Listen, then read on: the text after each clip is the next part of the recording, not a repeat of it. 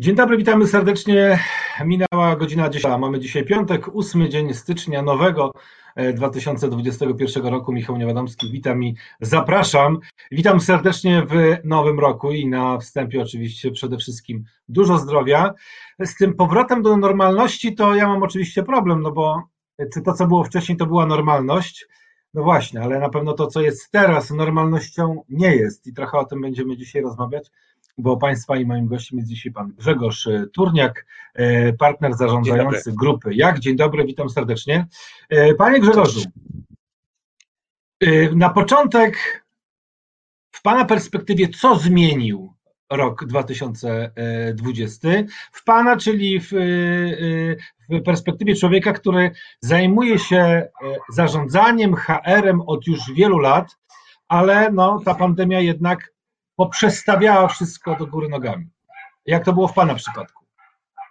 Jest tak, że ja nawet już nie, mniej troszkę HR od pewnego czasu zajmuję się networkingiem, czyli y, dla różnego rodzaju organizacji, za, na różnego rodzaju eventach dbałem o to, żeby ludzie przełamywali lody, że ze sobą rozmawiali, bo my Polacy jesteśmy troszeczkę pod tym względem, byliśmy, może to się zmienia, ale trochę byliśmy dzikusami, tak sobie żartując, oczywiście z dystansem, z metaforą do siebie, z, z luzem i nagle rzeczywiście 12 marca się okazało, że ten mój biznes w 100% przestał istnieć. Na szczęście, na szczęście od trzech lat uruchamiam drugą nogę i nagle się okazało, że to, co no, mój wspólnik mówił Grzegorz, przejdźmy do online, przejdźmy do LinkedIna, róbmy to employee advocacy, róbmy to rzecznictwo pracowników. Y, no te dwa lata przygotowań się okazało, że świetnie się przydały, żeśmy się jednego dnia przełączyli na, na nowe działalności. W tym momencie, tak jak wtedy żeśmy budowali kulturę networkingu, budowaliśmy to, żeby ludzie budowali między sobą relacje, żeby budowali swoje marki, żeby budowali swoje sieci kontaktów y, w realu, to teraz robimy podobne rzeczy z lekką ewolucją online. No więc właśnie, dywersyfikacja okazała się jak zwykle dobrym rozwiązaniem, no bo gdyby nie prowadzone były prace wtedy, to ten czas na przykład na, na, na przemodelowanie swojego biznesu no byłby dłuższy i ten moment startu byłby inny. Ale ja też tak. obserwuję różnego rodzaju zmiany, jeżeli chodzi o podejście do pracy. Bo e, to, co wcześniej się wydawało niemożliwe, robienie coś zdalnie, e, czy to jeżeli chodzi o cały proces produkcyjny związany choćby z wydawaniem Rzeczpospolitej, czy też inne procesy mhm. związane no z tak. onlinem, nagle się okazało, że da się. Czyli coś w naszej tak. głowie też się musiało zmienić. Tak, ja jestem ogromnym fanem testów psychologicznych, testów y, talentów, motywacji, no najróżniejsze. Ten mózg mój mam przebadany na kilkadziesiąt różnych sposobów i to, co widzę, no każdy z nas jest inny. I oczywiście są osoby takie jak ja, które akurat, załóżmy, według testu motywacji mam dosyć wysoką ciekawość, mam dosyć dużo energii, jestem taką osobą energetyczną i tak osoby relatywnie łatwiej sobie w takich sytuacjach radzą, Osoby, które na przykład ten, yy, takich talentów nie mają, czy takich motywacji, no to dla, im to zajmuje troszkę więcej czasu, a kolejną rzeczą to jest oczywiście kwestia pewna kulturowa, pewna narracja, jaką mamy zbudowaną. Yy, ja sobie słucham teraz od, od ładnych paru miesięcy podcasty, codziennie rano sobie słucham podcast i właśnie ostatnio słuchałem podcast jednego z, z, z venture kapitalistów, u Macieja Filipkowskiego, który mówi, że no, jego kariera potoczyła się świetnie, bo jak miał 18 lat, pojechał na rok do Stanów, do szkoły i zobaczył świat zupełnie innej perspektywy. Czyli to jest narracja, jaką budujemy, środowisko, w jakim się wychowujemy, ma duży wpływ. Okazuje się, że my jesteśmy dużo bardziej jako, elastyczni jako ludzie, tylko się muszą pojawić odpowiednie warunki. No a jak y, żeśmy rozmawiali przed naszą rozmową, tak. okazuje się, że ten, to połączenie pracy i, i, i, i życia w domu, no w Pana przypadku już wydarzyło się nie rok temu, tak. kilka dekad temu. Tak, to taki, taka sobie uświadomiłem na początku tego lockdownu, że ja właściwie w takim home office, w takiej właśnie takiej, takiej pracy y, domowej zdalnej, to, to żartuję od czwartego roku życia.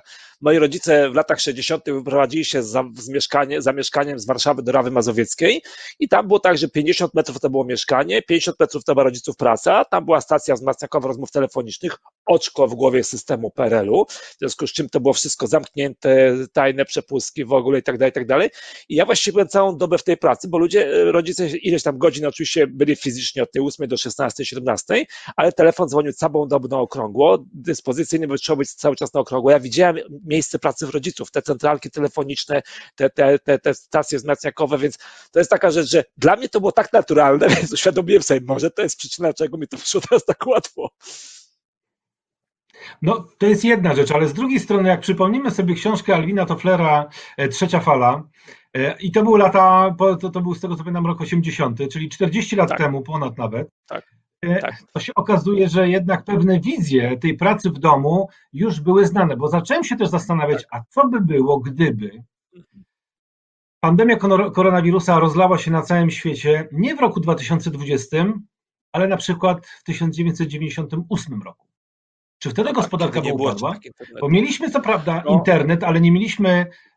Ten, ten internet mieliśmy na modemie, a nie w każdym nie telefonie. Więc to jest też. Nie pytanie. było tyle narzędzi.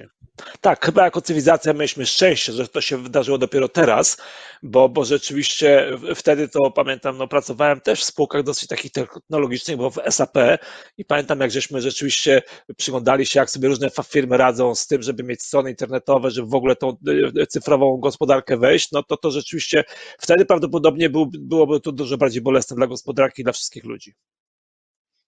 Bo teraz tak myślę sobie, że nie ma tego złego, co by na dobre na wyszło, na, na dobre nie wyszło i w każdym kryzysie jednak upatruję pewną szansę, bo proszę zobaczyć, że teraz nie tylko seniorzy nauczyli się obsługi komputera i korzystania z komunikatorów, no bo tak się, tak, tak się porozumiewamy, ale proszę tak. zobaczyć, co się stało w szkołach jak w szkołach nastąpiła cyfryzacja procesów.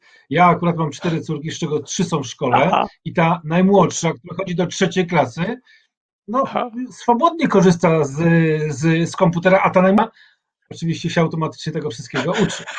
Więc proszę zobaczyć, jakie tutaj nastąpiły też e, zmiany i jednak progres. Ja myślę sobie tak, dzieciaki to sobie już, prawda, e, żartobliwie mówiąc, po tych ekranikach dawno, dawno surfowały. Gorzej jest z nauczycielami. Oni to mieli wyzwanie, bo oni rzeczywiście też są rodzicami, też pewnie są yy, zanurzeni troszeczkę w to, ale nie aż tak bardzo, jak było poprzednio. Ja znowu, yy, myśmy, no, ponieważ do Polski sprowadziłem organizację BNI, Business Network International, organizacja w sumie ponad 200 tysięcy członków, w Polsce prawie 3 tysiące, na świecie 9 tysięcy społeczności, które spotykały się co tydzień, tydzień w restauracji w ciągu jednego tygodnia włączyliśmy się do internetu. To w ogóle dla mnie był oczywiście szok duży, w sensie takim pozytywnym, że organizacja potrafiła dosłownie w tydzień całą swój biznes przenieść i że y, no, 90% ludzi sobie z tym poradziło, niewielki procent sobie z tym nie poradził, a co ciekawe, to co dla mnie bardziej fascynujące, że no, część tak do tego sceptycznie podchodziła, że a nagle się okazało, że pojawił się zupełnie nowy segment rynku ludzi, którzy powiedzieli Grzegorz, ja na realne spotkania nie mogłam przychodzić, nie mogłem przychodzić, natomiast teraz mogę, bo wreszcie mogę mogę być w dowolnym miejscu na świecie, mogę uczestniczyć w naszej społeczności.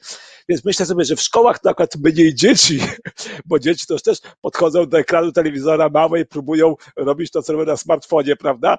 A bardziej myślę, to było wyzwanie dla nauczycieli i zarówno osób jako osób, jak i całego systemu. To było dużo większe pewnie wyzwanie. Rozmawiamy o tym, co wydarzyło się w roku 2020, ale co z tego 2020 zostanie na kolejne lata, bo część ludzi mówi, ten świat już będzie zupełnie inny niż był wcześniej, ale tak się zawsze mówi po dużych zmianach. Czy y, po 2001 roku po, ataka, po atakach z 11 września transport lotniczy no tak. był taki sam? Nie, już jest zupełnie inny. I jak sobie tak prześledzilibyśmy te y, takie milowe kroki, czy nie wiem, po kryzysie mhm. naftowym, po, po, już nie chcę mówić o wojnach, tak, ale wiele takich e, przełomowych e, e, wydarzeń na przestrzeni dziejów zmieniały nasze życie i to no tak. również zmieni. Ale Pana zdaniem, w jaki sposób to wpłynie na, nasz, na, na naszą pracę? Chyba nie będzie tak, że będziemy codziennie siedzieć w domu, bo jednak brakuje nam tego wyjścia, tej komunikacji, tego, o czym Pan mówi, tego networkingu, tego poklepania się, tego kontaktu nawet cielesnego, żeby komuś ścisnąć dłoń. Rozmawiałem kilka dni temu z babcią, która ma 94 Aha. lata i mówi, Michał, ja bym tak się chciała do kogoś przytulić. Tak, no tego ciepła nam brakuje, tych kontaktów, no bo, bo oczywiście babcia jest seniorką i, i oczywiście ten kontakt jest bardzo ograniczony. Ja myślę, Natomiast jak to się... Mhm. Znaczy ja myślę sobie, że to jest tak, że idą te dwie warstwy. Jedna ta warstwa taka może powiedzieć natychmiastowa, że no trzeba było elastycznie się przełączyć z jednego na drugie.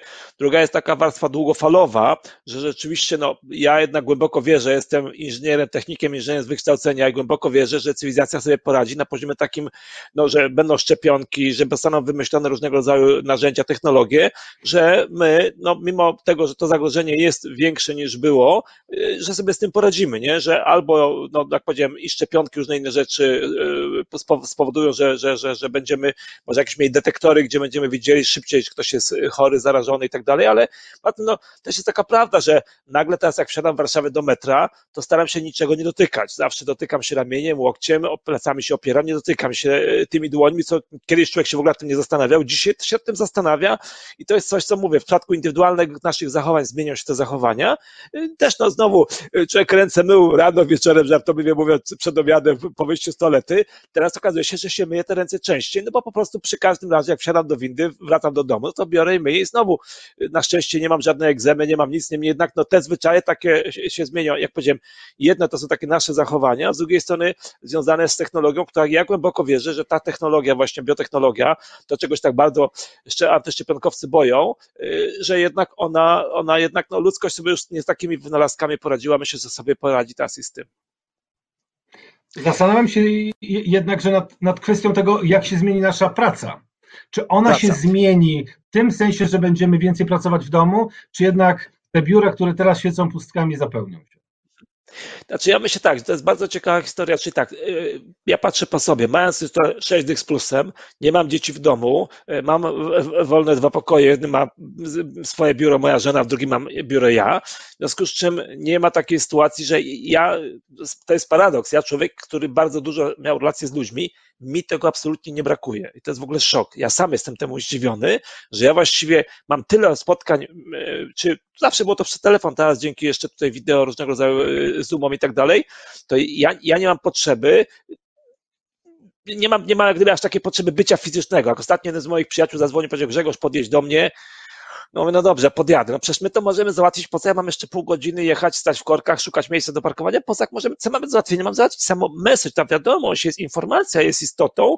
Dla mnie akurat ta warstwa, mówię, taka e, paradoksalnie fizyczna nie jest aż tak bardzo istotna. Czyli ja myślę, że część, jakiś procent ludzi nie ma z tym problemu i dla nich e, to, że, że będą pracowali z domu, po pierwsze, że mają warunki, bo już mają, już nie mają małych dzieci, bo mają już te dzieci odchowane, nikt im się po domu nie kręci, więc myślę, że część ludzi do tych biur nie wróci, a druga rzecz dla mnie to jest pewna dyscyplina pracy, czyli to, co się mówi już tych paru dekad, e, czy parę, parę, parę ładnych parnastu lat w Polsce też o turkusowych organizacjach, gdzie ludzie no, e, sami sobą do pewnego stopnia zarządzają. Oczywiście nie jeszcze cała cywilizacja, ale e, my na przykład w naszej firmie to przyjmujemy do pracy ludzi, którzy potrafią sobą sami zarządzać, że nie trzeba nimi zarządzać i mówić, co oni mają robić, po prostu wiedzą, jaka jest organizacja, wiedzą, jaką są cele, są procesy, są procedury, nie ma potrzeby nikogo popędzać. Czyli wydaje mi się, że wyjdziemy w tej chwili z takiego przekonania folwarcznego zarządzania, że ludzi trzeba cały czas pilnować, bo jak się ich nie będzie miało, nie będzie się widziało, czy on wstał, czy on usiadł, czy on wyszedł na zakupy i tak dalej, to oni nie będą pracowali. Znowu, prawdopodobnie zawsze będzie taka część ludzi, ale myślę, że większość y, zobaczy, że to też im to dużo daje y, dobrego, no bo jak powiedziałem, część może sobie ile rzeczy pozałatwiać, robić pracę wtedy, kiedy jest wygodniej, więc ja myślę sobie, że ona się zmieni, natomiast też spowoduje, że, że ludzie jako ludzie, jako ludzkość też wejdziemy na wyższy poziom takiej odpowiedzialności, nie? że już nie będzie potrzeba takiego, myślę, takiego folwarcznego pilnowania, że tutaj jak ja nie będę miał na nich oka, no to to, to, przywództwo też się zmienia. Zastanawiam się też, na ile to zmieni się, jeżeli chodzi o administrację, że jednak większość rzeczy będziemy mogli robić coraz bardziej zdalnie, a nie z papierem stać w urzędzie skarbowym i czekać. Byłem ostatnio w takowym urzędzie i, i niestety papierologia jest, kolejeczka jest, co prawda trzeba się wcześniej y, umówić, zapisać, ale tak czy inaczej ludzie stają tak, czekać. Mam nadzieję, że te procesy się też troszeczkę scyfryzują. Tak, i jako najważniejszą rzecz jest taką, żeśmy znowu my, osoby, które są, tak jak tutaj Pan jest osobą medialną, ja w swoim też jestem facetem od, od, od, od wpływu, bo dwa lata z rzędu byłem jednym z dziesięciu topowych głosów polskiego LinkedIna i w tym roku kolejny plebiscyt, zobaczymy jak to wyjdzie, więc jako osoby do pewnego stopnia jak wpływowe w tych swoich bańkach firmacyjnych całkiem nie najgorzej, to jednak też jest ważne, żeby moim zdaniem, no ja staram w jakiś sposób przekazywać tą informację, żeby niepotrzebnie nie straszyć, nie? To jest tego typu rzecz znowu, służba zdrowia, tam te e, recepty, to wszystko, my się nad tym wszystkim zastanawiamy, tego, gdzieś tam kiedyś czytałem, że w Wielkiej Brytanii, kiedy służba zdrowia się cyfryzowała, to budżet przepracował wielokrotnie, terminy przekroczono na różne sposoby.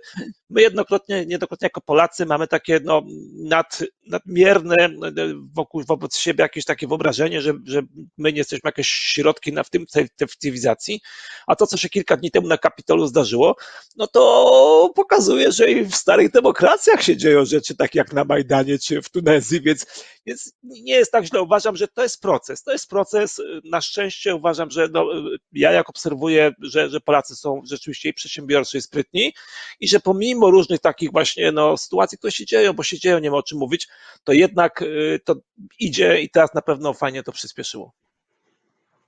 Sprytem e, okazało się to, jak wiele kamperów przyjechało do Zakopanego w te święta i na Sylwestra. Polak, jak wiemy, zawsze e, potrafi. Grzegorz Turniak, e, partner zarządzający w grupie Jak był Państwa i moim gościem w pierwszym noworocznym wydaniu programu Rzecz o Biznesie.